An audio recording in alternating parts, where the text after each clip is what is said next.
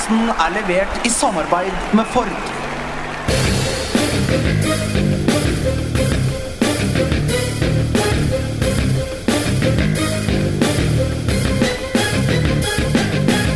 Har du sett?! Overgangsvinduet har åpna og standarden er satt. Hvor mange milliarder skal storklubbene fôre Financial Fair Play-komiteen med de neste 30 dagene? Hvem er det som må selge unna for å pønte på regnskapet? Hvem skal låne hvem i januar? Og hvor store blir de obligatoriske kjøpsromskjolene i sommer?! La liga loca. En litt gærnere fotball. Godt nyttår! Hurra! Godt nyttår, Jonas Giæver. Jo, godt nyttår, Magnar Kvalvik. Godt nyttår, eh, Petter Wæland. Godt nyttår, Magnar Kvalvik. Det høres ut som du har det bra. Skal dere ønske hverandre godt nyttår? Godt nyttår, Jonas. Feliz año nuevo! Yes, Ja, som de sier i spansktalende land. På den iberiske halvøy. Mm. Som dere kanskje hørte, kompenserte jeg nå i introen med overdreven entusiasme. Det var for at innholdet i selve introen var dørgende, tørt og kjedelig, med ord som Financial Fair Play-komiteen, eh, regnskapet og obligatoriske kjøpsopsjoner i sommer. Sånn er det altså for meg. Jeg syns overgangsmarkedet er dørgende kjedelig og klarer ikke å utvise ektefølt entusiasme. Dermed blir det overkompensasjon.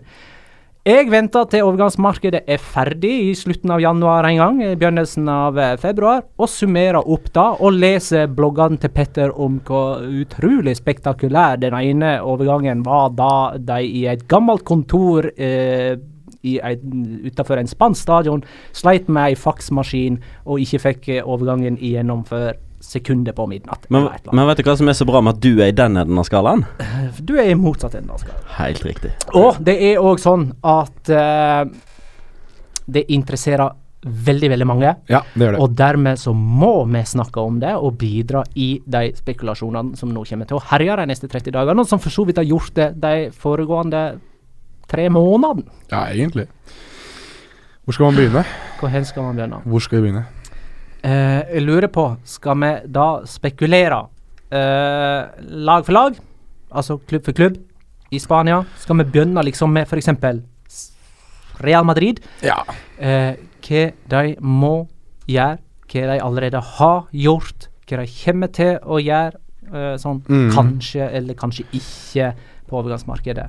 Vi begynner med Real Madrid. Vi, Jeg vi gjør det. Vi kan, jo, vi kan jo begynne med det de eh, har gjort slash kommer til å gjøre, slash vi er rimelig sikre på at blir gjort. Eh, Per per 22. desember. Per 22. desember. Så kan det være at dette har endret seg når du, kjære lytter, hører på dette, men jeg og jeg tror også at uh, den mest entusiastiske herr Petter er ganske enig med meg i akkurat dette. At uh, Real Madrid kommer til å kjøpe Kepa Arrizabalaga fra Atletic Club. Eh, keeperen til Atletic Club, som eh, Real Madrid har valgt seg som eh, tronarving til Keylor Navas, hvis du vil kalle det. Keeperen som de skal satse på sikkert de neste ti året. Han får en seksårsavtale på Santiago Bernabeu, og der virker det som det bare er snakk om at vinduet åpnes, og at det da står noen dresskledde herremenn utenfor kontorene og leverer inn uh, sjekk og utkjøpsklausul og det som er, som gjør at Kepa Rizabalaga blir ny Real Madrid-keeper, og da blir vel også ny førstekeeper, vil jeg regne med. Han signerer da, etter alle rapporter, en seksårskontrakt. Allerede i januar. Allerede i januar. Eh, har ikke òg Courtois blitt uh, nevnt i uh, keepersammenheng? Han har kjøpt så mange hus i Madrid, han nå, Ja, han har kjøpt mange, han. ifølge ryktene. Han, eh, det, Jeg har i alle fall hørt rykte om at uh, de driver og planlegger det neste keeperparet sitt i Real Madrid. Der skriver eh, Det er litt eh, gøy at du nevner Courtois, fordi eh, Christophe Terreur, som er, jobber for HLN i, i Belgia, han er som regel veldig flink eh, på alt som er belgiske spillere, i hvert fall i Premier League, og også egentlig i Belgia.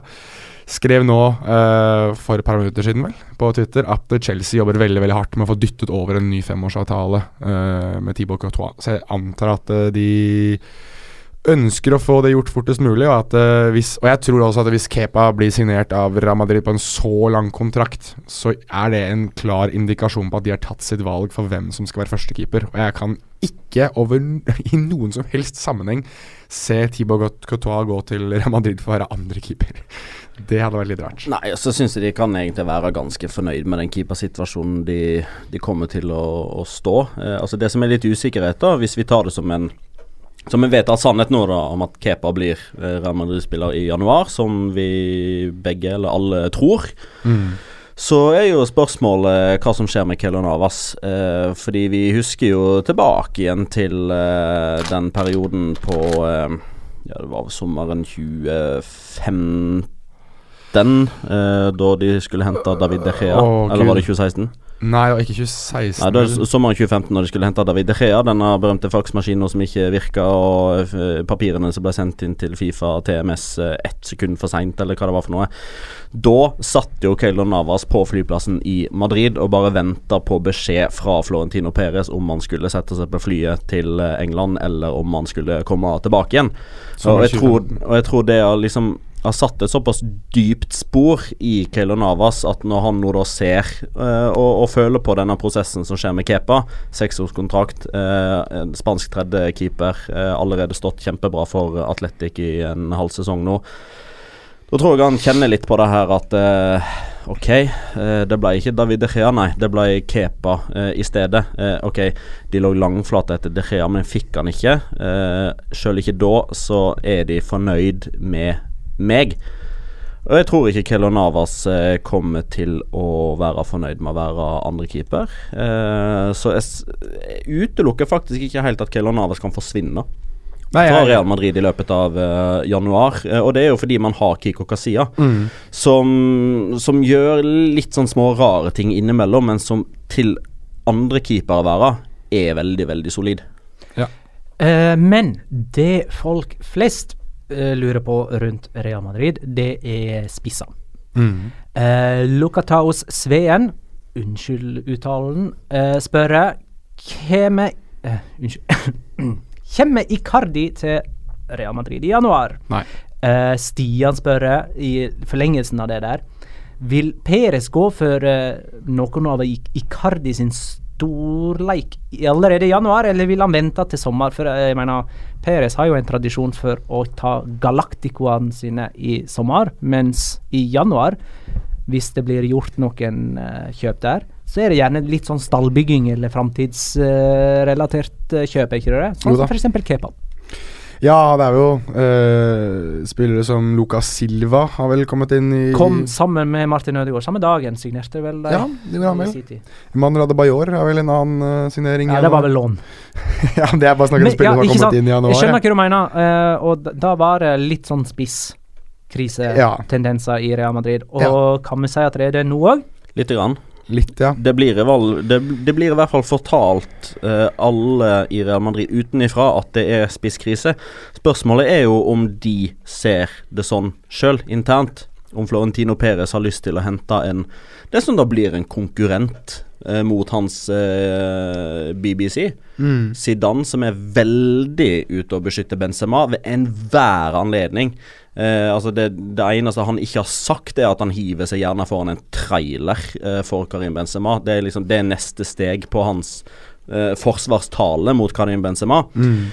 Som, eh, og, og det er jo Altså, den, den, den kritikken Karim Benzema får det at han ikke skårer nok mål. Eh, Dette her har vi snakka om og debattert òg. Liksom, hva er Karim Benzema sin rolle? Er det han som skal være toppskårer, eller skal han være en mer en lagspiller som bidrar til at Bale og først og fremst Cristiano Ronaldo kommer inn i de riktige rommene og får eh, litt mindre fokus enn hvis det er Borja Majoral, som er lettere å på mange måter la gå og virre litt for seg sjøl, kontra Benzema. Og det er jo den eh, håper jeg, Det er den problematikken som Zidane og Perez må bli med, De må liksom bli enige med seg sjøl. Det som er det store, den store hemskoen med å hente spillere i januar, eh, det er jo at de aller fleste klubbene er veldig lite villige til å la sine til nå i sesongen beste spillere gå midtveis, fordi Man skjønner at eh, da blir man svekka sportslig. Man eh, får dårligere vilkår for å nå målsettingene sine. Den andre tingen er at eh, de spillerne som har spilt Champions League for en klubb til nå denne sesongen, ikke kan spille for en ny eller en annen klubb i andre halvdel av sesongen. Og det tredje, som er liksom det prekære som skiller seg litt ut i dette vintervinduet, kontra de tre foregående og de tre neste, er dette at det er et VM-sluttspill i sommer. Ja, det er det spillere som ikke ønsker uh, ofte å flytte på seg i frykt for å miste posisjonene sine, i frykt for å måtte starte litt på nytt igjen, og i frykt for det at et VM-sluttspill kan forsvinne dersom det ikke skulle klaffe til på lik linje som det har gjort tidligere i sine andre klubber. Derav så ser jeg ikke Det er mange overganger jeg ikke kan se skje ene og alene pga. det. Men jeg tror øh, Jeg tror vi Jeg tror Altså Icardi, Timo Werner som har vært nevnt Aguero har blitt nevnt. Aguero har vært nevnt. Sånn, den, en overgang av den uh, typen der kan jeg e Altså, Hvis jeg skal være helt ærlig, den eneste som jeg tror kan være aktuell da, de, de tre, er Icardi. Og, Ja. det, og det er fordi at han ikke har spilt Champions League. Og den er viktig å huske på. Det må vi minne oss på gjennom hele denne episoden. At eh, spillere som allerede har vært involvert i andre klubber i Champions League, kan ikke spille i eh, Champions Ja. League for en ny klubb. eh, og det gjør noe med hele interessen for eh, den aktuelle Ja, det sa Petter i stad. Eh, sorry, ok, ja, men jeg presiserer igjen. Ja, Kan er sikkert ikke bli sagt nok. Nei, det, er- det er helt riktig, det. Og, men jeg, jeg eh, Nå skal ikke jeg, jeg utbrodere veldig mye om Mauro Icardi, men gud hjelpe meg hvor mye problemer det kommer til å bringe Real Madrid hvis vi skal ha han inn der. For det er, et, eh, det er et sirkus. Altså Mauro Icardi og Wanda Nara, som er, da er hans kone nå, det er et sirkus. Det er eh, Han har da, for å gå veldig kjapt gjennom den, skal jeg gå veldig kjapt gjennom nå, som eh, stjal Wanda Nara fra kompis Maxi Lopez, som tidligere Barcelona-spiller, spilt flere klubber i Italia. Uh, annet fått ungene til Juan Nara og Maxi Lopez til å si at Mauri Cardi er verdens beste far. Tatovert navnet til barna til Maxi Lopez og Juan Nara på kroppen. Har selfie av seg selv mens Juan Nara har født i bakgrunnen på fødestua. Uh, Mauri Cardi er generelt sett en person også som klarte å nesten havne i håndgemeng med egne supportere. Utfordret uh, Kurva Nord, vel. Uh, den harde kjernen i Inter til slåsskamp. Uh, sa at han skulle hente alle gutta sine fra Argentina og starte bråk eh, med de. Så dette er en karakter, en person som jeg eh, på mange måter mener at er, en, er eh, skade, kan være til skade for seg selv. Jeg håper han roer seg litt ned. Han har fått litt mer tillit på det argentinske landslaget under Jorge Sampaoli, men har tidligere ikke blitt tatt ut fordi han er en bråkebøtte.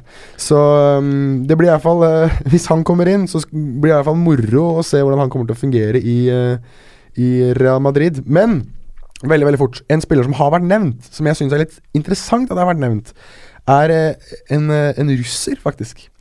Uh, Fjodor Smolov. Jeg vet ikke om dere har fått med dere det? Han har vært nevnt ene og alene for han har scoret mot Spania, og det skal ha fått uh, Real Madrid til å tenke at kanskje det her kan være en sånn super sub-spiss. Jeg har sett han nevnt ved flere anledninger uh, som i hvert fall et alternativ. Han spiller i Krasnodar i Russland.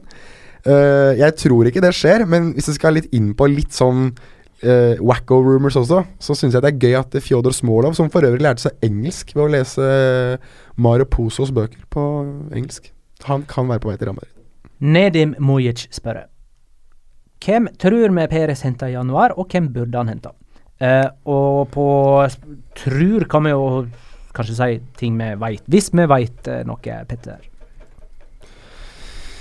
Kepa vet vi vel sånn virke, Altså, alle, alle sier det, og det er liksom walks like a duck, talks like a duck, vel?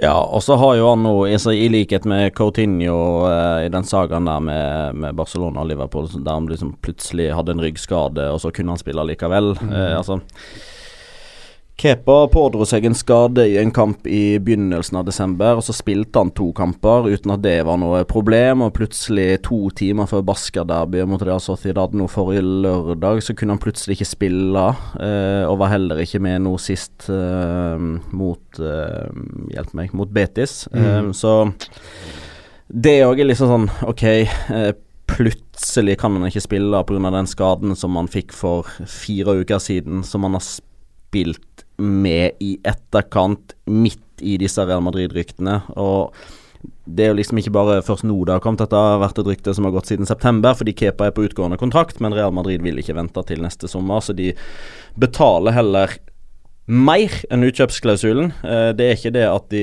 eh, går til La Liga og deponerer 20 millioner euro eh, via advokater og svarte kofferter og sjekker osv. De gjør som de gjorde med eksempelvis Theo Anandes. De legger på litt for tort og svie, og betaler istedenfor en overgang for ca. 25 millioner euro.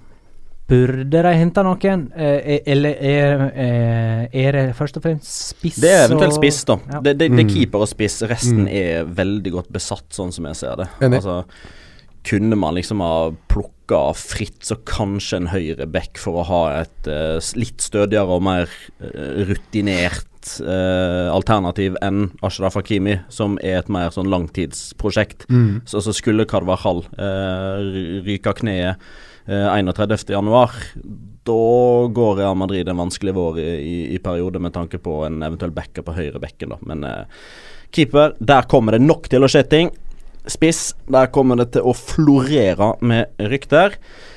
Jeg tror ikke nødvendigvis at noe materialiserer seg, men uh, Fjodor Smolov. Det, men det, det, Fjotr. Vi må videre. Har, har du satt punktum, eh, Petter? Ja. Barcelona. Eh, og da er det jo bare å gå rett på sak, vel. Um, Midtstopper, da.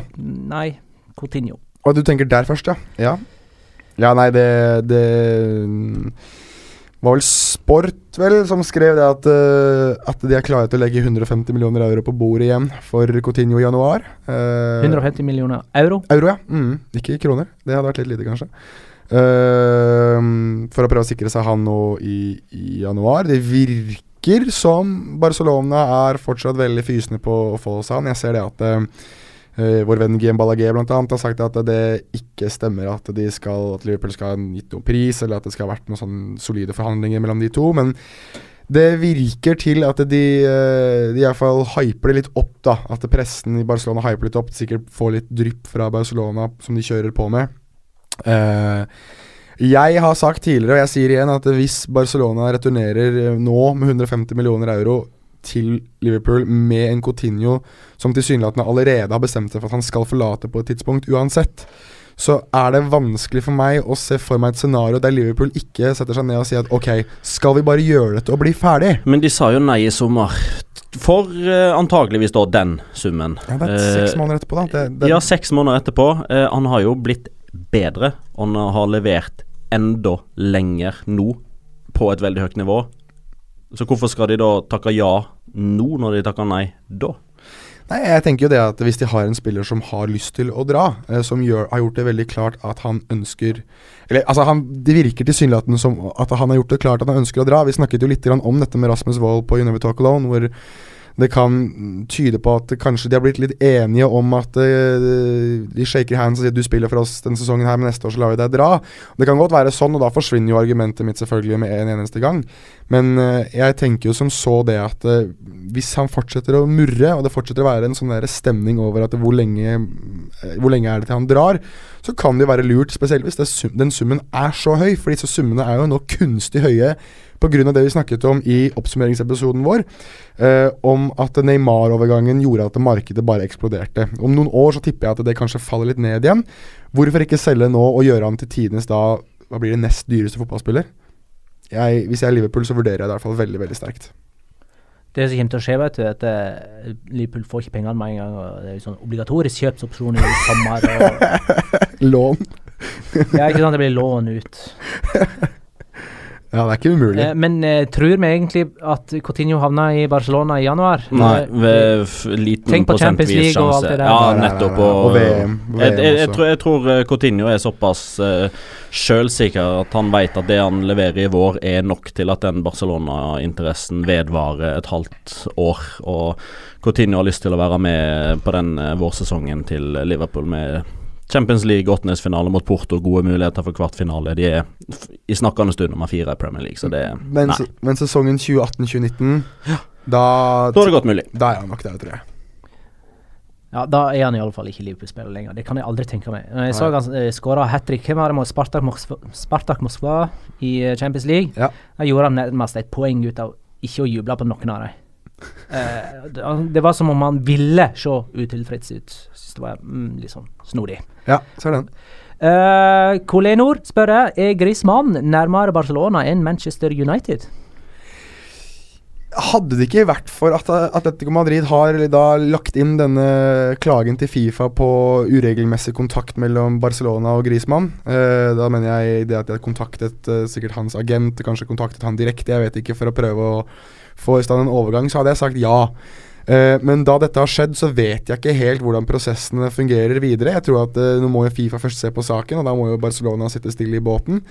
Så om Manchester United da bestemmer seg i januar for at uh, la oss være litt rare og litt dumme og litt uforstående og bare legge 100 millioner euro på bordet for en kar som har underprestert litt, og som har et VM han skal spille osv., um, så er det godt mulig at han ender opp i United. Jeg synes, jeg synes det er merkelig om Griezmann forsvinner fra Atletico Madrid helt og holdent i i januar. Jeg kan ikke se for meg det skje, og jeg tror sannsynligheten for det er enda mindre nå etter denne Fifa-saken. Hvor alvorlig er denne Fifa-saken? Eh, ei veka, Ca. ei uke nå før eh, nyttår, og folk har fått svaret, kanskje? Eh, altså et, et worst case-scenario her er jo at de får en ny registreringsnekt, hvis Fifa liksom virkelig bestemmer seg for at nå skal de ta Barcelona, og Atletico Madrid gjør alvor om at de liksom går løpet ut. Jeg ser på det mer at Atletico Madrid bruser litt med fjærene, og at det er mer sånn at eh, hallo. Dere har spurt oss offisielt kan vi få lov til å snakke med Antoine Griezmann. Vi har sagt nei. Respekter det. Dere er nummer én i La Liga, vi er nummer to i La Liga. Ikke prøv å destabilisere oss midt i sesongen. Men dette er også andre gangen på veldig veldig kort tid at Barcelona har fått smekk på fingeren for å gjøre dette her. For nå har jo de også vært i eh, Brasil, der de har prøvd å signere Arthur fra Gremio, eller i hvert fall indikert at de ønsker han. og sendt en direktør ned som uh, er blitt avbildet med Arthur, som er under kontrakt med Gremio, i Barcelona-drakt, som han har fått av denne Barcelona-direktøren, som har gjort at Gremio også har klaget inn uh, Barcelona til Fifa, eller i hvert fall klaget på uh, måten de har gjort ting på. Så dette er to saker på veldig, veldig kort tid for Barcelona, som da nå er jeg ikke 100 sikker på om Grema rapporterte inn til Fifa. Det, fall, det, er jo bilder av det, så jeg, om ikke Fifa lager en sak ut av det, det hadde jo nesten vært litt hårreisende. Men det er to saker på veldig veldig kort tid, samtidig som de har da uh, uregelmessigheter og det som er hengende over seg, både med Neymar inn og Neymar ut. Så jeg, uh, jeg, jeg synes det er veldig veldig merkelig om ikke Fifa gjør noe i det hele tatt uh, hva angår denne saken her. Eller hva, hva angår Barcelona, egentlig. Og sjøl syns jeg det er merkelig at Barcelona blir linka til så mange offensive spillere når de får Dembele tilbake. De har Paco Alcácer, de bruker mm. Leolofeo i ny og ne, og så har de Messi og Suárez og hele pakka. Uh, men det de kanskje mangler litt på, er midtstoppere. Ja. Mascherano forsvinner i januar. Ja. Ja, han, eh, han, reiser til Kina. Uh, Hebei Fortune, 10 millioner euro. Uh, når Samuel Omtiti er frisk og rask og klar til å spille igjen. Så det, ja. det er en sånn overlapp som skjer der. Og Stian spør kommer Jeremina til Barcelona. Sagnomsuste Jeremina. Myten Jeremina. Fins han? Er det noen som har sett Jeremina noen gang? Gremio Colombia. Palmeiras, vel. Palmeiras er det, sorry. Palmeiras, ja. Han var jo i Colombia. Han var vel med på det um å, hjelp meg. Uh, Atletico Nacional-laget som vant Copa Libertadores. Da var vel stoppepartneren var vel Davinson Sanchez, som spiller i uh, Tottenham. Mm. Så da var vel stoppeparet Sanchez uh, Jeremina som alle i hele verden hadde lyst på etter uh, Copa Libertadores-triumfen. Men det ser jo mer og mer ut som det kan skje. Agenten hans er vel ute i media annenhver uke og snakker om uh, oppdaterer på 'nå skjer det, nå skjer det ikke', 'nå skjer det, nå skjer det ikke', nå skjer det, nå skjer det ikke. Um, og sist man har hørt der, er jo det at han sier at det kan være at noe nå kommer til å skje. Um, det som virker veldig sannsynlig, og som virker som å være en slags oppfattet sannhet, er det at Barcelona har en avtale for han enten nå i januar, hvor de sikkert da må betale enda litt mer penger for han til Palmeiras, eller at de henter han etter VM. Uh, Jeremina kommer nok til å spille VM for Colombia, da mest sannsynlig kanskje ved siden av Davinson Sanchez. Så det er uh, Det kommer jo litt an på når Barcelona kanskje trenger han. Jeg vet ikke helt, men det virker på meg mer og mer, og jo mer jeg leser både i colombiansk media og jeg er en av de som faktisk gjør det. Og spansk media at han skal til Barcelona på et eller annet tidspunkt. Enten januar eller sommeren. Og så vet vi at neste Valverde er veldig svak for Inigo Martinez. Ville hente han i sommer. Uh, fikk ikke aksept fra Bartomeo og Robert Fernandes. Um, Watch that space. Da har vi dekka Barcelona, ikke vi? Ja, jeg vil si det. Er det noe vi veit? Er det noen som skal ut? Som Vi veit at Mascherano skal ut. Det er det vi vet. Deolofeo er litt sånn Han har fått veldig lite spilletid i det siste. Mm. Mhm. Vi går videre. Atletico Madrid er vårt, uh, vår neste klubb. Eh, nå er jo registreringsnekten deres over. Diego Costa er spilleklar. Vitolo er spilleklar. Uh, og så har vi jo vært inne på Grismann, da, der alle, eller i alle fall mange, regner med han skal ut. Mm. Det skal han ikke, tror jeg. Ikke i januar. Ikke i januar. Vi er litt litt sånn festbrems eh, med tanke på dette januarvinduet, men, ja, men det er jo sånn det er i Ja, ja, ja. januar. Det er enkelt og greit. Altså, det er skjell... Altså, Fernando Torres eh, fra Liverpool til Chelsea husker jeg for noen år siden. Det var liksom det, Andy Carroll. Og Andy Carroll til Og da var vel Luis Suárez også til Liverpool fra Ajax. Det er de eneste jeg kan huske som sånne megaganger. Uh, Juan Mata til Manchester United fra Chelsea. Det er liksom de, det er de jeg husker. Og da, da Falcao. Sånn delvis. Falcao Ja, var ikke det januar? til United? Nei, det var på sommeren. Det var på sommeren. Mm. Men eh, Audun eh, Røren spør nå uansett hva tror vi Atletico ønsker å få inn ved et eventuelt Griezmann-salg? Altså, De hvordan skal, eh, skal han prissettes? Hva, har vi snakka om klausulen hans, hva den ligger på? 100 millioner euro. Eh, og eh, vil de eventuelt gå for erstatninger? Blir Atletico linka til noen, eller ser de ut til å være tilfredse med Diego Costa? De har etter alle solmerker allerede signert i hvert fall en ung angriper fra Argentina som jeg er veldig veldig glad i. Lautaro Martinez, som de henter fra Å, gud hjelpe meg, hvilken klubb er det han spiller igjen? Uh, jeg har sett ham mest på landslaget for eh, Argentina. Han spiller for Racing Club de Avellaneda, som, Avellaneda, som heter. Som, han er en 20 år gammel eh, angriper. Ikke nødvendigvis en ren spiss. Kan minne litt om Paulo Dybala i visse aspekter ved spillet sitt. Um, ekstremt, ekstremt spennende ung eh, argentiner som uh, er god foran mål, men også veldig god til å spille opp spillerne rundt seg. Så Det høres jo nesten ut som en litt ren Grismann-erstatter, hvis alt går som det skal der. Det har agenten vært ute og sagt at uh, de ble koblet med en eller annen klubb i uh, Italia, og da sa han at men det kan jo ikke skje, for jeg er allerede enig med Atletico Madrid. Så uh, det virker som den overgangen der kommer til å skje. Ok, Og Griezmann er jo ute av Champions League sånn uansett. Altså, mm. han får ikke spilt Champions League i Atletico eller noen annen klubb. Nei.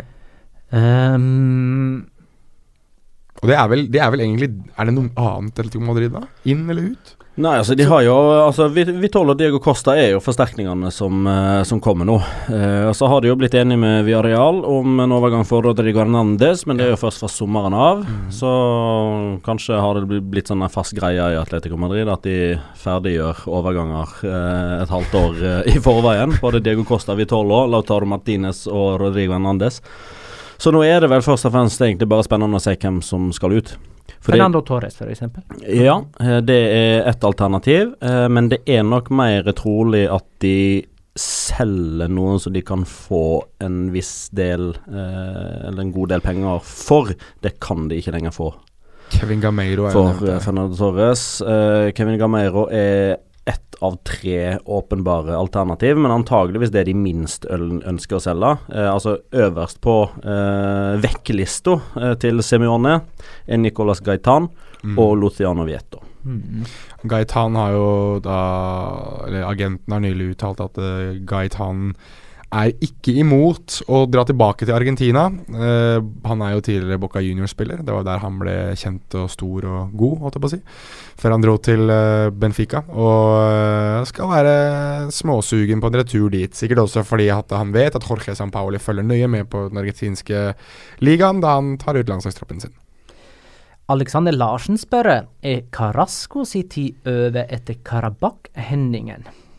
Og Da lurer jeg på hva han refererer til, egentlig. Men uh, Da var det vel sånn at han lunta misfornøyd av banen på stillinga 0-0, og Simone var liksom veldig irritert over at han ikke typ, skyndte seg av banen. Og, å ha ti, eh, spilletiden hans begrensa seg litt etter det? Ja, veldig. Nesten ikke starta. En del innhoppere der. Starter han, så blir han tatt av ganske tidlig. Eh, men jeg tror det er mer eh, bare sånn noe Simione gjør for Altså i et forsøk på å bryte han ned før han skal bygge han opp igjen. For nå får jo Carasco en ordentlig ordentlig utfordrer i Vitolo, som kan spille den samme posisjonen. Altså Begge to er, sånn som jeg ser det, best på venstre kant. Vitolo kan også spille høyre kant. og blir jo en veldig nyttig tilførsel i, i den angrepsrekka der. Eh, Jeg syns det er litt synd det som skjer med Carasco. Jeg, jeg, jeg føler liksom han har et sånn voldsomt stort potensial Vi får det ikke ordentlig ut, nei.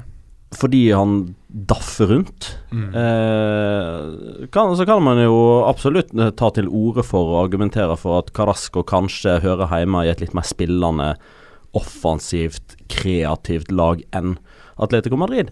Men for meg så representerer Carasco den mulige X-faktoren som legitimerer den defensive spilletilen til Simione, på samme måte som Antoine Griezmann har liksom syv-åtte grovarbeidere, og så skal for meg Carasco være en av to tre artister der framme som får ting til å skje, som går på raid. Som eh, Hvis du ikke klarer det på første forsøk, så prøver du for, igjen for andre gang. Klarer du ikke da, så prøver du igjen en tredje gang. Mm. Men nå er det sånn han, han prøver én gang, eh, og så går ballen utover sidelinja, og så småjogger han litt, grann, og så ser han litt misfornøyd ut. Og neste gang han får ballen, så blir det en støttepasning uten bevegelse i etterkant. Mm. Og det er sånn som provoserer Simione. Sime Vrselko, da. Nei, jeg Blir ikke eh, han linka Er det til Inter han ble linka? Liverpool. Napoli Mm, Napoli, tror jeg det var. Mm. Eh, og så eh, så jeg en artikkel i AS om at eh, kanskje han Hjelper meg med uttalelsen, men Thomas Munier fra Mon- Munier Ja. fra PSG og Belgia kunne være en erstatningsmulighet. Men eh, jeg tror med Versalcio Unnskyld meg, det, Det er mye, navnet de, de, de er Men er, er han på vei to. ut? Jeg tror ikke det. Jeg, eh, han har jo spilt noe i to, vært eh, avgjørende i to siste kampene, vel? Herlig assist eh, til Ja, Torres. Ja, nå vet vi ikke hvordan det gikk mot Español. Yes. Nei, nei, men de- de men to mot Betis før- og mot Alaves så slo han målgivende pasninger på 1-0-skåringene, som var avgjørende i begge kampene. Så det er helt riktig. Og litt på gang. Vi har egentlig venta litt på han gjennom hele høsten, men han har trent dårlig, vært litt skada her og på. Han har liksom alltid blitt skadefri rett før det har vært landskamper, og så har han spilt for Kroatia, og så har han vært litt sånn uggen og kommet tilbake igjen og ikke trent 100% og det Trener du ikke 100% så er ikke du med, enkelt og greit, i Atletico Madrid. Da står Prof Ortega bare og ser dumt på deg og spør hvorfor har du stått opp om morgenen, junior, hvis du ikke skal gi 100 Nettopp. Og Juan Fran eh, har jo fortsatt litt fotball i seg, men mindre og mindre. Eh, så jeg tror ikke Jeg tror ikke Simione er interessert i at eh, Versalico skal gå noe sted. Simeone. Eh, Det var dårlig. hva veit vi, kan vi, om eh, Atletico per i dag? Har vi summert opp deres overgangsvinduet sånn som vi ser det? Vitolo og Diego Costa inn. Eh, minst én, sannsynligvis to, må ut. Og det er må med blokkbokstaver og fet skrift pga. Uh, lønnstaket som de har i La Liga. Eh, Vitolo og Diego Costa tar en stor slump av det, så de går over når de kommer inn, så noen må ut. Vietto, nei, Vieto Vietto eller Gaetano ut, kanskje til og med begge to. Og eh, Rodri eh, og Lautaro Martinez inn mest da, Rodri til sommeren, og Lautaro Martinez også mest sannsynlig til sommeren. Da hopper vi til Valencia, og de er interessante. Magnus Garung skriver, eller lurer iallfall på om de kommer til å smashe ut for eh, GDS. Eh, og hvordan er ståa med Financial Fair Play? Jeg kan Ja, til det siste, eh, Ja. det tror jeg ikke Valencia veit sjøl engang. jeg tror ikke de bryr seg helt heller. Og det, det er jo ingen som har vært ordentlig straffa Sånn ordentlig, ordentlig straffa for det ennå. Gedesh er altså for øvrig utlånt fra PSG, bare sånn at det er snakk, Ja, eh, mm. sagt. Og der er det vel heller ikke noe mm, eh, Det er iallfall ikke obligatorisk kjøpsklausul der.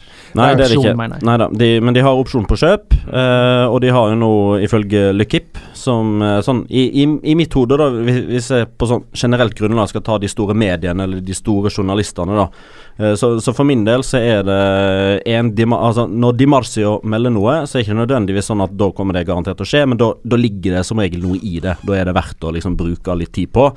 Uh, og to Lekip, sånn på generelt grunnlag, som jeg syns er veldig gode på overganger. Og jo, det syns jeg det er når Når det gjør Ja, du kommer er lov å ja, med du en med finger, for det er- Mateo Lahos-fingeren nå. Det er en som er bedre. Det er en som er bedre Ja. på fransk. Eh, Ja, det er Mohammed. Jo. Mohammed Bohafsi. Men det, men det gjør jo ikke at Lekippi ikke er bra. Jeg bare syns han er bedre enn Lekip. Ja, men det er godt, godt mulig at han, en, at, at, han en- at han er enda bedre. Det som var poenget mitt, var at Lekip, som for meg er god informasjonskilde, Ja da, ja da. Ja, da. Det er greit. Jeg, jeg, snakker om at eh, Valencia og PSG har blitt tilnærma enige om en overgang til sommeren for 35 millioner euro. og dette skal da senere ha blitt avvist av Valencia. Ikke avvist. De har bare ikke ønska å bekrefte det. De har derimot bekrefta at de ønsker å beholde Gedes. De snakker med Valencia, men de har ikke bekrefta at de har kommet til ja. enighet. Ja, greit. Ne, men eh, jeg tror eh, 35 millioner euro for Gonzalo Gedes, det er eh, Varp. Varp. Ja, de kommer til å selge ham for dobbelt, kanskje til og med trippelt, om, om noen år, slik som han holder på. Så jeg, ikke umulig. Det var jo eh, Vi poengterte vel begge to på Twitter at Valencia hadde lagt ut uh, en uh, kommunikade offisial om at uh, nå hadde ledelsen nødt for å sette seg ned for å diskutere overganger. Det la de ut på sin hjemmeside, at Petter Lim og alle disse andre direktørene hadde satt seg ned for å bestemme seg, kartlegge overgangsmarkedet. Ehm, som er litt spesielt å melde, for da skaper du jo forventninger. Ja, så det det, det så um, man sitter nesten og håper uh, på at uh, Valencia skal sprenge overgangsmarkedet på en eller annen måte, men jeg, jeg tror ikke det skjer sånn kjempemye. Uh, kanskje noen låneoverganger igjen, jeg vet ikke. Det bør, det bør jo skje noe, hvis de, hvis, de, hvis de nå skal vise at Valencia er liksom tilbake som en uh, Maktfaktor. ja, en maktfaktor. Det kommer ikke til å være på en stund. Maktfaktor. Eh, en stor klubb uh, som, som skal kjempe om Champions League jevnlig. Uh, om de skal holde Sevilla bak seg, om de skal holde Real Madrid bak seg, om de skal ha typ mulighet til å holde følge med Atletico Madrid. Barcelona-toget er nok godt for deres del. Men det den siste måneden har vist her nå, det er at det skal ikke mer enn en skade og en karantene til. Så blir Valencia svekka. Mm. Altså Når Garay har vært ute, Morillo og Geders, eh, til dels Carlos Soler, Simone Sasa suspendert. Alt det har skjedd i løpet av de siste tre-fire serierundene, og vips, bang, fire poeng av tolv mulige. Ut av gullkampen. Så bredden må eh, på, på sett og vis eh, styrkes. Og eh, de har jo en eh, portugiser på høyrebekken, Joao Cancelo, som ikke spiller i Inter, som ikke er fornøyd der, som de kan hente tilbake igjen. Um, og det leder jo oss òg litt inn på en annen lånespiller som de eh, veldig sterkt eh, ønsker å beholde på permanent vis, Kondogbia. Eh, der er ikke det like mye konkrete rykter nå, men der er jo liksom utgangsposisjonen da òg at den er, om ikke obligatorisk, så er det i hvert fall en eh, økonomisk sum som eh, kanskje må betales til Inter hvis de ikke velger å signere han. Så da har de på mange måter forplikta seg til å til å få den eh, økonomiske biten da, til å gå i orden. da Og da er liksom det, det spennende da med Financial Fair Play med Peter Lim, som helt åpenbart ikke bare åpner lommeboka og hiver inn alle pengene han kan på ett og samme tid. Hvis de skal hente Gedesh, hvis de skal hente Kondogbia, eh, da blir det brått en del millioner euro ut. Da må det friske midler inn òg. Mm. Det er spørsmålet hvem? Ja, det virker Hvem skal ut, altså? Ja, det Men, det, men dette er jo altså først og fremst til sommeren. da det, altså, Cancelo kan hende de henter tilbake nå i januar, men eh, altså, både GDs og Kondogbia det er jo uavhengig av januarvinduet. mm. Og så har de vel en obligasjon på Morillo. Det har de òg, og det er jo Inter. Og så har de jo allerede sendt Fabiano Reana på lån til Eibar. Han var jo ikke en del av framtidsplanene til Marcelino i det hele tatt. Og så Ferran Torres, eh, unggutten, 17-åringen, som ble den første La Liga-spilleren født på 2000-tallet, som debuterte mot eh, Eibar. Han blir jo en eh, bortimot fast del av Asdalen. Vent litt, når det gjelder Morillo, er ikke han på lån i to sesonger før den eh, obligatoriske kjøpsopsjonen gjelder? Så Ja. det er jo ikke til kommende sommer engang Nei. at de pengene Langtidsplan. går i mm. Ja, nei, og jeg, det eneste jeg har lest sånn, er vel at de kanskje vurderer, som en av klubbene, å legge inn et lånebud på Real Madrids Marcos Llorente. Jeg vet ikke om det, om det er for å styrke bredden i troppen, eller om det er for at han skal spille masse masse fotball. Og så har jeg sett uh, igjen, ettersom de har blitt så gode venner med Inter, så er Joao Mario, han uh, midtbanespilleren der, er jo på vei ut, virker det som. Han er jo koblet til her og, her og der og hist og pist. Og nå, da er selvfølgelig Valencia blitt nevnt som en av lagene som kanskje kan være interessert i å sikre seg den portugisiske landslagsspilleren. Hva må til da for at jeg skal ta topp fire? De må få større bredde i troppen. det må være de, de, de andre valgene må bli bedre. De må nærme seg førstevalgene i større grad. Altså det, det, det har jo eh, slutten av 2017 vist, at når de mangler nøkkelspillere, så kommer to bortetap på rad. Mm. ja, det, de, de er ikke gode nok eh, når de har skader. Det er, de første elverne er kjempegod og kan kjempe mot eh, alle klubber i, eh, i La Liga, men eh, Men nei, de, når, når de begynner å få skader, så er det liksom Garay og Morillo ut, og Ruben Veso og Gabriel Palista inn. Det er ikke det, Akkurat den situasjonen der syns jeg oppsummerer veldig mye. så de trenger backup bare, hvis de skal hente inn noe. I januar, mener jeg. Iallfall bredde. Altså Det må gjerne, det må jo gjerne For elveren er god nok, sier du jo. Ja, elveren er veldig god, synes jeg. Ja, og det kan godt være at det, Altså, de kan jo selvfølgelig, hvis de får muligheten til å hente øh, Gud, jeg vet ikke David De Gea, liksom, så sier du ikke nei til det. Men, øh, men jeg tror ikke at det er Jeg tror ikke de ser på at de skal ha inn nye enere per nå. Men det er, ja, og det er ikke keepere. De trenger alle. Nei, det var, det var et flåste eksempel, da. Uh, skal vi bare gå videre? Det kan vi. Til Sevilla. Trygve Skogstad spør Får vi se Sander Berge i Sevilla i januar? Og da kan jeg samtidig uh, påpeke at veldig mange lurer på hva skjer med Steven Ensonsi, og vi kan ta den diskusjonen kanskje litt sånn samla. Steven Sonsi har jo da blitt persona non grata i Sevilla. Har kranglet eh, med ledelse, kranglet med lagkamerater, kranglet med trener. Ble jo nærmest forvist fra garderoben eh, i pausen da de lå under eh, 0-3 mot Liverpool. Har siden ikke fungert i noen tropper. Eh, har også stukket av ved flere anledninger til London, eh, mest sannsynlig for å prøve å ordne seg en overgang til en ny klubb. Snakket med France Football om at han ikke lenger regner seg selv som Sevilla-spiller. Eh, og eh, Så når vi skriver 1. januar, som er datoen for denne podkastens release Er ikke det det? Jo, det må det, må Det er være. det, det Så er eh, tror vi egentlig at han er i England allerede. Han er i hvert fall veldig nær en overgang til England, vil jeg tro. Uh, han har en utkjøpsklausul på 40 millioner euro, og der uh, kan jo fort være at, at Sevilla senker seg til 35 millioner euro kun for å få han vekk. Mm.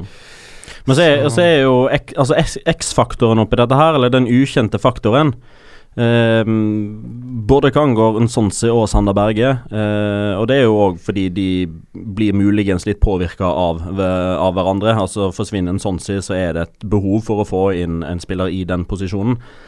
Eh, men typ alt det som Sevilla har planlagt nå i løpet av de siste to, tre, fire månedene, det er jo først og fremst sportsdirektør Oscar Adias og president José Castro, som er liksom arkitektene bak dette, som har oversikten over eh, hva spillere de har i kikkerten, hvor mye penger de har tilgjengelig, eh, bud som kommer inn på spillere osv. Men treneren er jo òg en faktor som, eh, som ikke nødvendig har, nødvendigvis har noe bestemmelsesrett, men han kan definitivt komme med input med hva slags type spiller han ønsker, eh, hva for en posisjon han gjerne vil eh, forsterke, eh, hvilke spillere han ikke vil ha i klubben lenger. Og når vi spiller inn dette her, da, så er det veldig usikkert om Eduardo Berizzo fortsatt er Sevilla-trener eh, når dere hører på nå 1.1. Eh, fordi både Marca, eh, Stadio Deportivo, Eldes Marca osv. skriver nå om et styremøte i Sevilla klokka fem, der Eduardo Berizzo sin posisjon skal bli diskutert. Og vi, Jeg vet at Berizzo er stor fan av Sander Berge. Spilte mot Sander Berge i Europaligaen med eh, Celta Vigo i, i februar-mars i år, og har på mange måter gitt tommel opp eh, for eh, presidenten og sportsdirektørens eh, ønske da om å hente Sander Berge. Men hva skjer da hvis det er eksempelvis Javi Gracia som kommer inn og overtar eh, trenerrollen i Sevilla?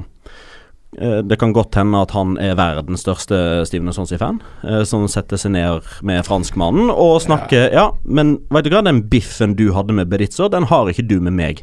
Du spiller for meg så lenge du er her. Jeg skal snakke med Arias, jeg skal snakke med José Castro. Alle kan gjøre en feil. Dette fikser vi. Du er Sevilla-spiller ut sesongen.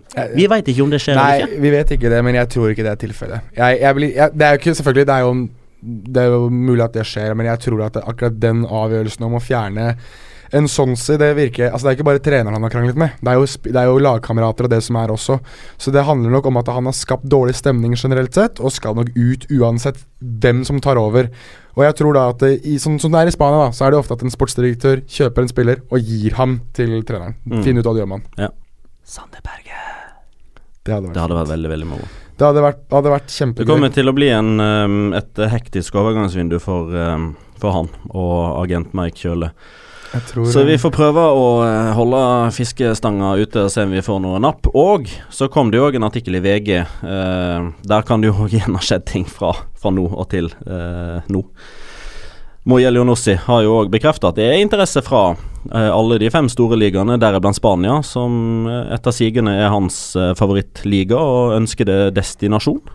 Jeg har eh, også en eksklusiv, hvis du kan kalle det det. Eh, Eksklusiva. Ja, nettopp. Eh, det ikke, den har vært ute på Nettavisen sine sider i dag, men jeg snakket med Kamer Kaka i, eh, i går. Og han er også aktuell for La Liga. Han har eh, fått eh, interesse fra La Liga-klubb om eh, overgang, og tror selv at det er 80% sjanse for at han spiller i, uh, i en annen klubb enn uh, Polytechnica Jasi, som er klubben han er for i nå, i Romania. Har jo debutert for Albania, og tidligere Vålerenga, Reifoss, uh, Kristiansund osv. Har du en magefølelse på hvilken klubb det er snakk om? Ja. Men det vil du ikke si? Nei. men jeg tror men, Feiging. Jeg er litt feig der. Hvisk det til meg. jeg kan ikke hviske det inn i mikrofonen. Nei, nei, nei. Nei, jeg gjør ikke det. Kanskje etterpå. Kanskje off the record.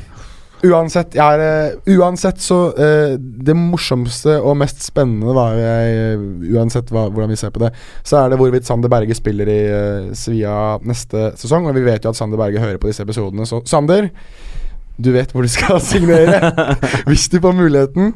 Eh, det hadde i hvert fall vært utrolig gøy å fått en nordmann eh, i en uh, La Liga-klubb. eh, enten det er Kamerakaka eller om det er Sander Berge. Eller Moye eller sånt. Eller Mo Jølenossi. Så kanskje vi skal få tre nordmenn eh, til eh, Martin Ødegaard tilbake til sommeren. Dette det blir jo kjempebra. Husker du da vi hadde Cocorinho på besøk i vår Ford Fiesta? Yes. Ja, det husker jeg.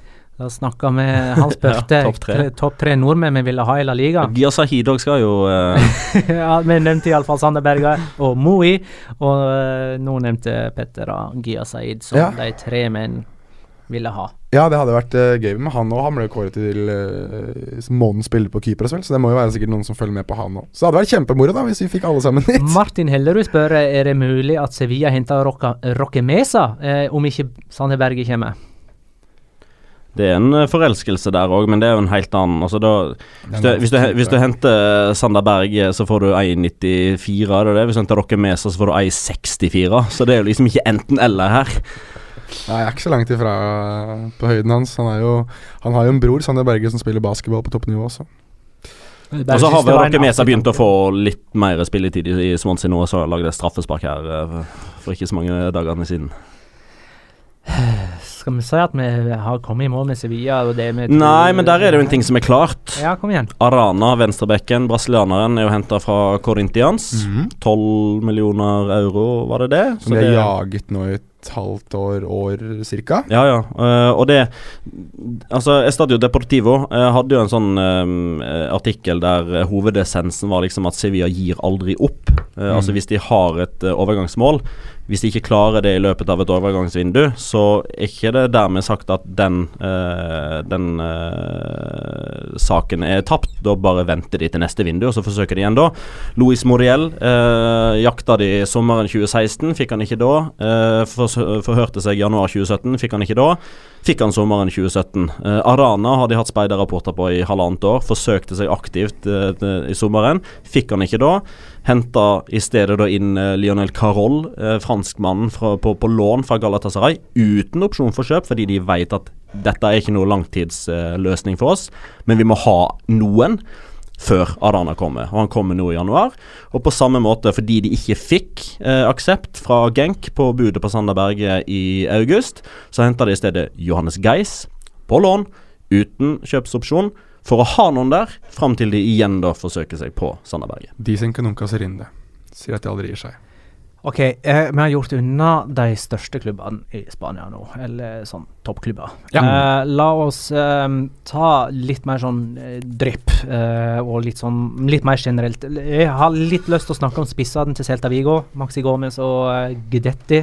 Ja. begge ut. Vel? Eh, nei, Maxi Gomez blir ikke noe av. Ah, blir det ikke noe av likevel? Nei, um, der har det jo Det var først Var det i begynnelsen av november dette Ja, begynte ja, ja. å komme, og da var det en ikke-navngitt kinesisk klubb. Og så mot slutten av november så ble det klart at dette var Beijing, Guan, eh, som da hadde bytt 16 pluss 4 millioner euro. Eh, og dette var Maxi Gomez i utgangspunktet ikke sånn kjempesugen på, men så var det dette økonomiske aspektet som gjorde at han til slutt hadde sagt liksom Ja, greit, hvis, hvis Celta er fornøyd med salgssummen, så er, det, så er det greit, da drar jeg. Celta Vigo brukte ganske lang tid, sånn pros and cons, eh, og bestemte seg da for å eh, i hvert fall innlede samtaler. Og, og prøve å bli med på dette her, da, men da endra plutselig Beijing på budet, som da var 16 totalt. 12 pluss 4. Og da svarte ikke Celta Vigo på den mailen lenger, så Maxi Gomez ser ut til å bli. Og dermed er John Gidetti på vei ut. Jonathan Soriano for øvrig er i Beijing Guan.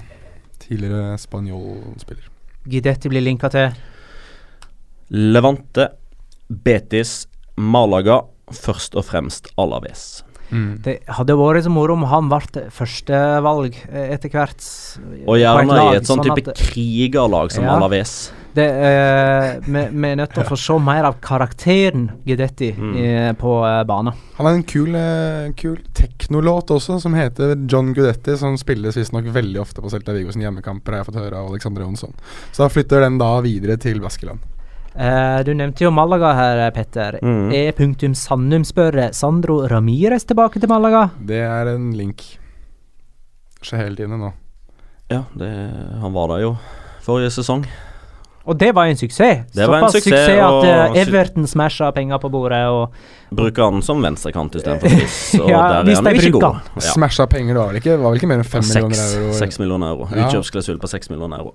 Um, så ja, det er nok et, et Smash er åpenbart eh, Fordi Borja Baston, som da ble henta inn på lån for Swansea som uh, erstatteren for Sander, da, har jo kun skåra to mål. Uh, og det det er ikke godt nok. og dermed så eh, er det jo et behov for å skåre mål for Malaga ut sesongen. De avslutter eh, 2017 under streken.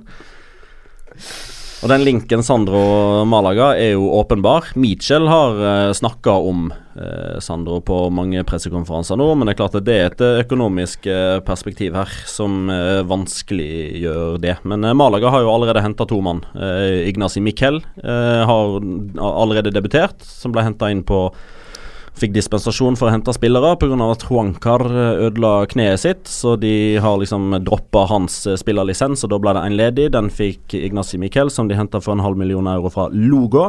Og så har de henta tilbake en Manuel Iturra, som spilte for dem når de var i Champions League. Iturra var god, da. Han var god da, men jeg, tror, men jeg tror ikke han er så god nå, eh, etter halvannet år i Necaxa i Mexico.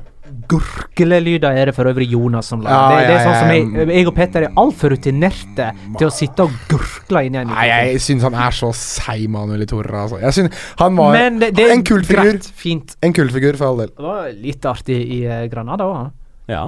Uh, jeg har lyst til å snakke litt om Odriozola og Oyar Sabal. Er det mulig at noen har lyst til å smashe ut på deg?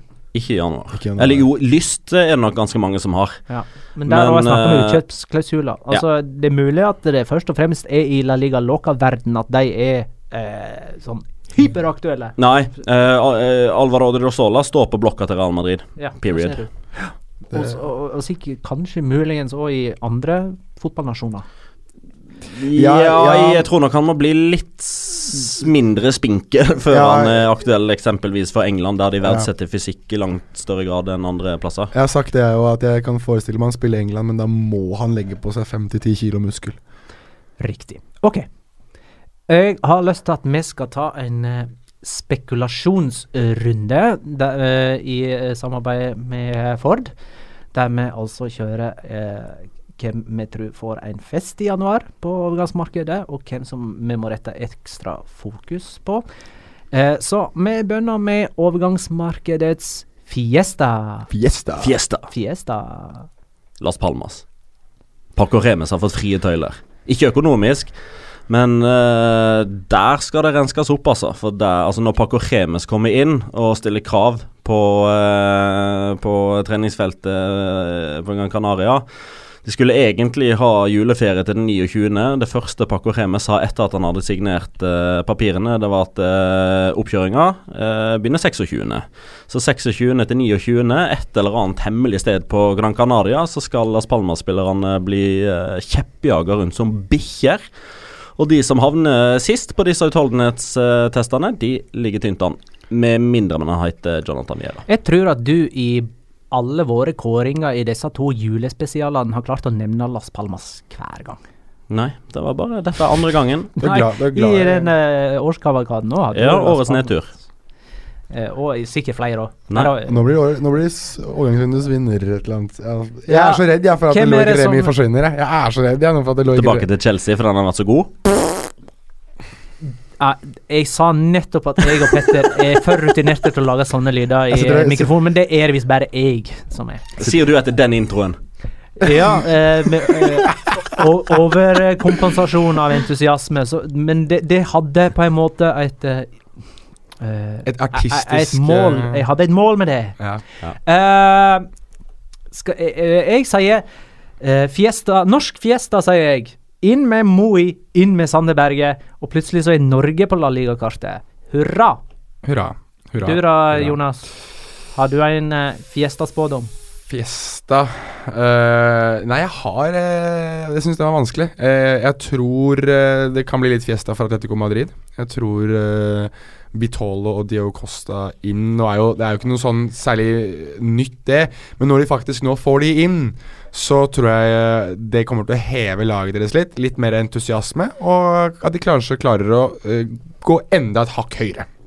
Sweet. Overgangsmarkedets fokus. Fokus. Fokus. Financial Fair Play? Financial Fair Play, den er fin. Ta den, eh, Petter. Nei, det er jo eh, ja. primært Valencia, da. Eh, og for så vidt også Atletico Madrid med dette lønnstaket som La Liga har satt etter direktiv fra Uefa. Så det gjør jo at den fiestaen som de skal ha med Vitolo og Diego Costa ut, gjør at det blir litt fokus på at spillere må ut. Eh, det samme er det liksom for Valencia sin del, som må eh, se veldig nøye på bankkonto, KID-nummer, Excel-dokumenter for å passe på at de ikke trør feil. Ragnar? Jeg tar fokuset på Barcelona eh, etter deres kontakt eh, uten klubbers samtykke Mm. med Arthur og uh, Griezmann, og om vi har en ny transfer ban eh, på trappen. Mm. Ja, jeg, eh, jeg hadde egentlig Jeg er litt inne på samme som Petter, men jeg hadde eh, fokus på, eh, på Valencia. Fordi eh, det er noe der som ikke stemmer, føler jeg. Det er noe der hvor de har, kanskje har brukt litt mer penger, eller kanskje regnet med eh, at de skal bruke litt mindre penger enn det de tilsynelatende kommer til å gjøre. Jeg både Jeg håper ikke, og tror kanskje heller ikke, at de må selge eh, sine største stjerner, da f.eks. Carlos Soler, for å, for å finansiere alt dette de holder på med nå. Så jeg har et lite fokus på, på Valencias overgangsmarked nå, hva de foretar seg, og hvor mye penger de bruker, eh, de bruker kontra hvor mye de selger for. Så det, det blir spennende å se om den der festen der kan fortsette. Ok. Kan jeg, kan jeg nevne et rykte som jeg synes er kjempegøy, men som ikke kommer til å skje? Lucas Moura til Real Betis. Har noen sett det? Daniel Sturridge til Real Betis kontra med, da. Ja, ok. Det er, Gud hjelpe meg hvor moro det hadde vært. Gud Det, det blir en ny pennant, i så fall. Ja, Som setter igjen uh, Porschen sin på togstasjonen. Ja, ja, og som bare går rundt skada hele Ja. Nei, jeg syns bare det. Altså, Lucas Mora uh, for Real Betis hadde vært Altså, jeg, jeg har sett at eh, PSG ikke er imot det, men at eh, Lucas er litt sånn uh, eh, Nei. Eh, men, men uansett, jeg bare ser det for meg. Det blir litt sånn De Nilsson født på ny. Skal vi ta de overgangene som faktisk er et uh, faktum nå, Kom igjen. Ja, gjør det. Per uh, 22. desember. Uh, Atletico Madrid, Vitolo, Diego Costa inn. Deportivo la Coronia har solgt Raúl Albentosa til Pumas i Mexico. Eibar har leid inn Fabian Orellana fra Valencia. Retafe har leid ut Choli og Karim Yoda til eh, Segunda-klubber. Kåke er ny høyreback i uh, Levante. Han som var i Sevilla. Ja. Ja. Eh, tidligere nevnte Manuel Itorra og Ignasi Mikkel er nye innskudd i Malaga. Ruben Castro er ferdig med leieopphold i Kina, så han er Real Betis-spiller igjen fra 1.1. Arana den er moro. Den er moro. Arana er ny venstreback i Sevilla, og Oscar Romero sitt leieopphold i Alaves. Det dundrede mislykkede leieoppholdet til Oscar Romero er ferdig. Han er på vei tilbake til Shanghai, av alle steder. Ja. Høres ut som uh, mye har skjedd allerede, og mye mer skal skje. Uh, vi er tilbake med ordinær episode mandag 8. januar. Jeg vet at jeg i eh, årskavalkaden vår sa mandag 7. januar. Den datoen eksisterer ikke. Mandag 8. januar er vi tilbake, og da kårer vi også en vinner i den konkurransen vi har hatt gående i uh, desember. Uh, der vi altså eh, ønskte at uh, lytterne våre skulle dele fotball, eller spesielt uh, fortrinnsvis uh, La Liga-øyeblikk med oss, enten i form av bilde eller uh, historier. Det er fortsatt mulig å delta fram til 8. januar ved å sende oss innslag til La Liga Loca Pod på Twitter eller Facebook, og muligheten til å vinne en Ford paraply, en Ford, en Ford Heritage-klokka, en Ford Performance Kno ø, Kopp og ei La Liga Loca-drakt med Ford som annonsør. Oi, der tok du den, vet du. Herlig. Der kom jeg eh, i mål. Tusen takk for eh, 2017 og alle lytterne og tilbakemeldingene vi har fått i løpet av året. Vi ønsker og drømmer om å ha dere med videre gjennom hele 2018. Igjen, godt nyttår!